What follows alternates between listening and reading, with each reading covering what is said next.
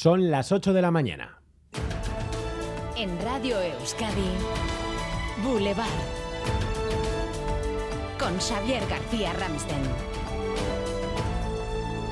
¿Qué tal, Egunon? Hoy se va a reunir la Mesa Nacional de la Sequía, en la que va a participar el gobierno vasco de forma telemática. Y esta mañana queremos estar en el campo a la vez. Es el territorio más afectado por la sequía en Euskadi. Sonia Hernando, Egunon, ¿dónde te encuentras exactamente? Egunon, sí, estoy en Comunión. Es un pequeño pueblo, un concejo del municipio de Lantarón, en Álava. Estoy rodeada de cultivos de cereal, de forraje. Estamos eh, ya comenzando a recorrer Gorka Barredo de Uaga y yo eh, vamos a ver los cultivos y me va a mostrar, o ya me está mostrando, porque me ha enseñado ya las primeras plantas eh, que tienen, que aparecen secas. están bastante afectadas por las heladas, porque cuando no están nutridas por el agua les afecta mucho más. Bueno, vamos a recorrer estos campos para mostrar también a los oyentes las consecuencias de la ausencia de lluvias en el campo. El dato es muy contundente. En el último año ha llovido en Euskadi la mitad de lo que es habitual. Enseguida vamos a ver ese cereal. Desde URA se alerta ya de hecho de posibles restricciones este verano. De hecho, en la zona de Bustur y Aldea se prepara ya, como el año pasado, un buque para suministrar de agua a los vecinos el próximo mes de agosto.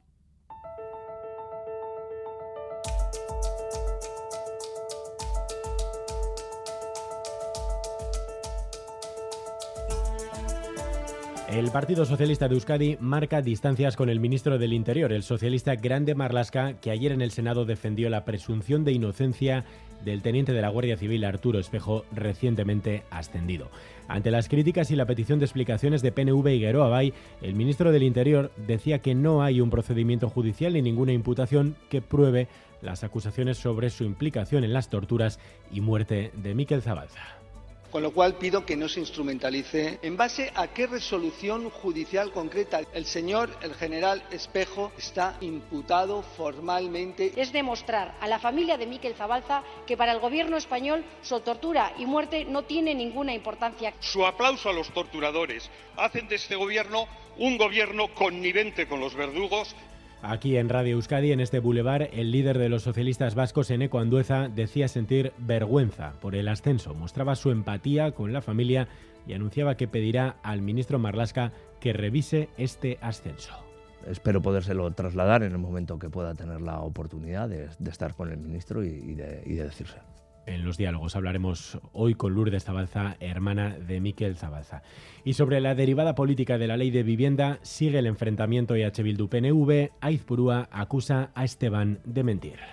Lo voy a decir claramente, el señor Esteban miente. Si no ha leído el texto, realmente no puede saber lo que contiene y nosotras desde Euskal Herria Bildu nos hemos ocupado y, y, con total claridad para que no hubiese invasión competencial. Nadie que tenga un mínimo sentido jurídico puede decir que no se entra en una competencia que es de las comunidades autónomas y que hasta ahora había estado vetada al Estado, pero no simplemente porque el Estado se autolimitara, sino por el propio Tribunal Constitucional. En página política, además, esta mañana visita Boulevard el presidente del Partido Popular en Navarra, Javier García, que presume de estar fichando a lo mejor de UPN de cara a unas elecciones, las forales, en las que aspiran a conseguir muy buenos resultados.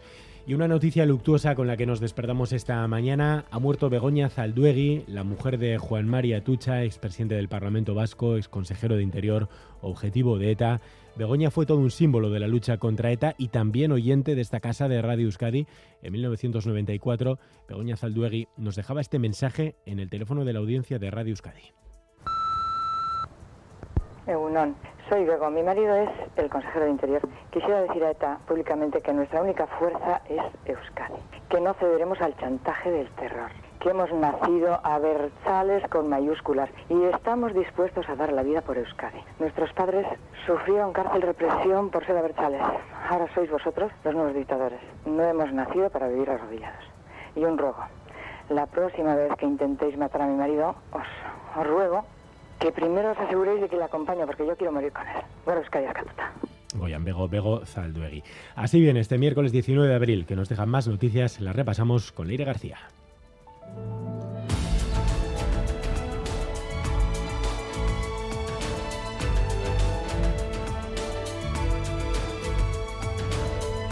Isabel Díaz Ayuso cerrará las listas electorales del Partido Popular en Bilbao. Presidenta de la Comunidad de Madrid y candidata a la reelección, Esther Martínez, la cabeza de lista por el PP en Bilbao, dice que le agradece el gesto porque es un modelo a seguir por su gestión, su defensa de la libertad y su valentía. En San Senso, en Galicia, hoy se espera la llegada del rey emérito Juan Carlos de Borbón para participar en las regatas. En Londres acudió ayer al partido de fútbol que enfrentaba al Real Madrid con el Chelsea y asistió a una cena junto a un grupo de amigos. Desde la Moncloa no han realizado valoraciones públicas, limitan su estancia en Galicia a una visita privada. En Guipúzcoa, el PSE se desmarca del recurso presentado por la Diputación por la OPE de Uliaspi. La Diputación recurrió la sentencia sobre la exigencia del nivel B2 de euskera en contra de lo dictado por el Tribunal Superior de Justicia. Para la Diputación esa petición no es desproporcionada. El PSE señala que se ha recurrido de forma unilateral sin consultarlo con este partido. Y en Gasteiz se abre la posibilidad de que una mujer encarne a Celedón a partir del próximo año. La Comisión de Blusas Inescas ha aprobado que pueda elegirse a la persona que sucederá a Gorka Ortiz de Urbina. El próximo mes de agosto encarnará por última vez a Celedón. Si sale una chica, a mí me da igual. Ay, no sé, no me lo imagino, ¿eh? Con toda la... la... ¿Qué ya, ya. Bueno, pues oye, lo que Dios quiera. ¿Lo mismo esto, Gregorio? Yo no estoy de acuerdo. Creo que es una tradición y al final las tradiciones hay que conservarlas. Eh, bueno, si quieren que saquen una Nesca, el Celedón y una Nesca.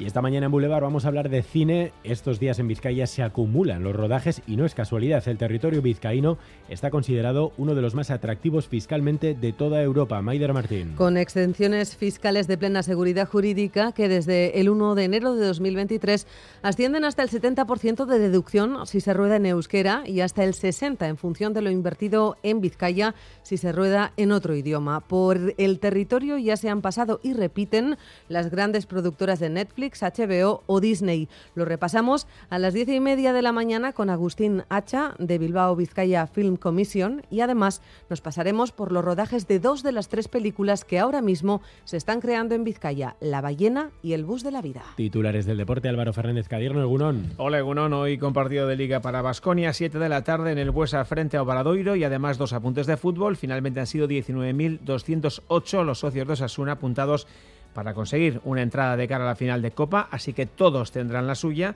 Y en la Champions clasificados para semifinales el Real Madrid y el Milán. Hoy se juegan el Bayern City 3 a 0 para los ingleses en la ida y el Inter Benfica, ventaja de dos goles para los italianos. Y acabamos de recibir los datos del EGM, el Estudio General de Medios Radio Euskadi suma 5.000 oyentes más que en la última medición. Pasamos de 146.000 a 151.000 oyentes. Superamos la media del año pasado en Radio Euskadi y también a nivel de grupo de las radios de EITB. Si cerramos 2022 con 396.000 oyentes, abrimos 2023 con 408.000 oyentes. Así que mil millones de gracias, es que ricasco a toda nuestra audiencia, a nuestros anunciantes, por seguir ahí. Llevamos ya 40 años y subiendo. Boulevard. Lural de Bus nos ofrece la información del tiempo. Lural de Bus, a donde vayas, vamos contigo. Euskalmet, Egusquiña y Turrio, Egunon. Egunon, hoy predominará el viento del sureste. Durante las próximas horas se intensificará y es hora que suban de forma notable las temperaturas diurnas. Las máximas se situarán en general entre los 22 y los 25 grados. Por la tarde el viento del sureste irá perdiendo intensidad y cerca del litoral entrará la brisa. Por lo demás, durante las primeras horas de la mañana tendremos algún banco de niebla, especialmente en el Valle del Ebro, pero levantará rápido y en la mayoría de las localidades lucirá el sol desde de primeras horas de la mañana. En definitiva, tiempo primaveral, pero con temperaturas diurnas bastante más altas que ayer. A esta hora tenemos 2 grados en Gasteiz y en Pamplona, 5 grados en Laudio, 6 en Bayona y Tafalla, 7 en Zumaya, Guecho y Bilbao, 9 grados en Donostia. Kaixo egunon, en los arcos tenemos 7 grados. Irunen 6 grado. Zarautzen gaur 8 grado. Aio.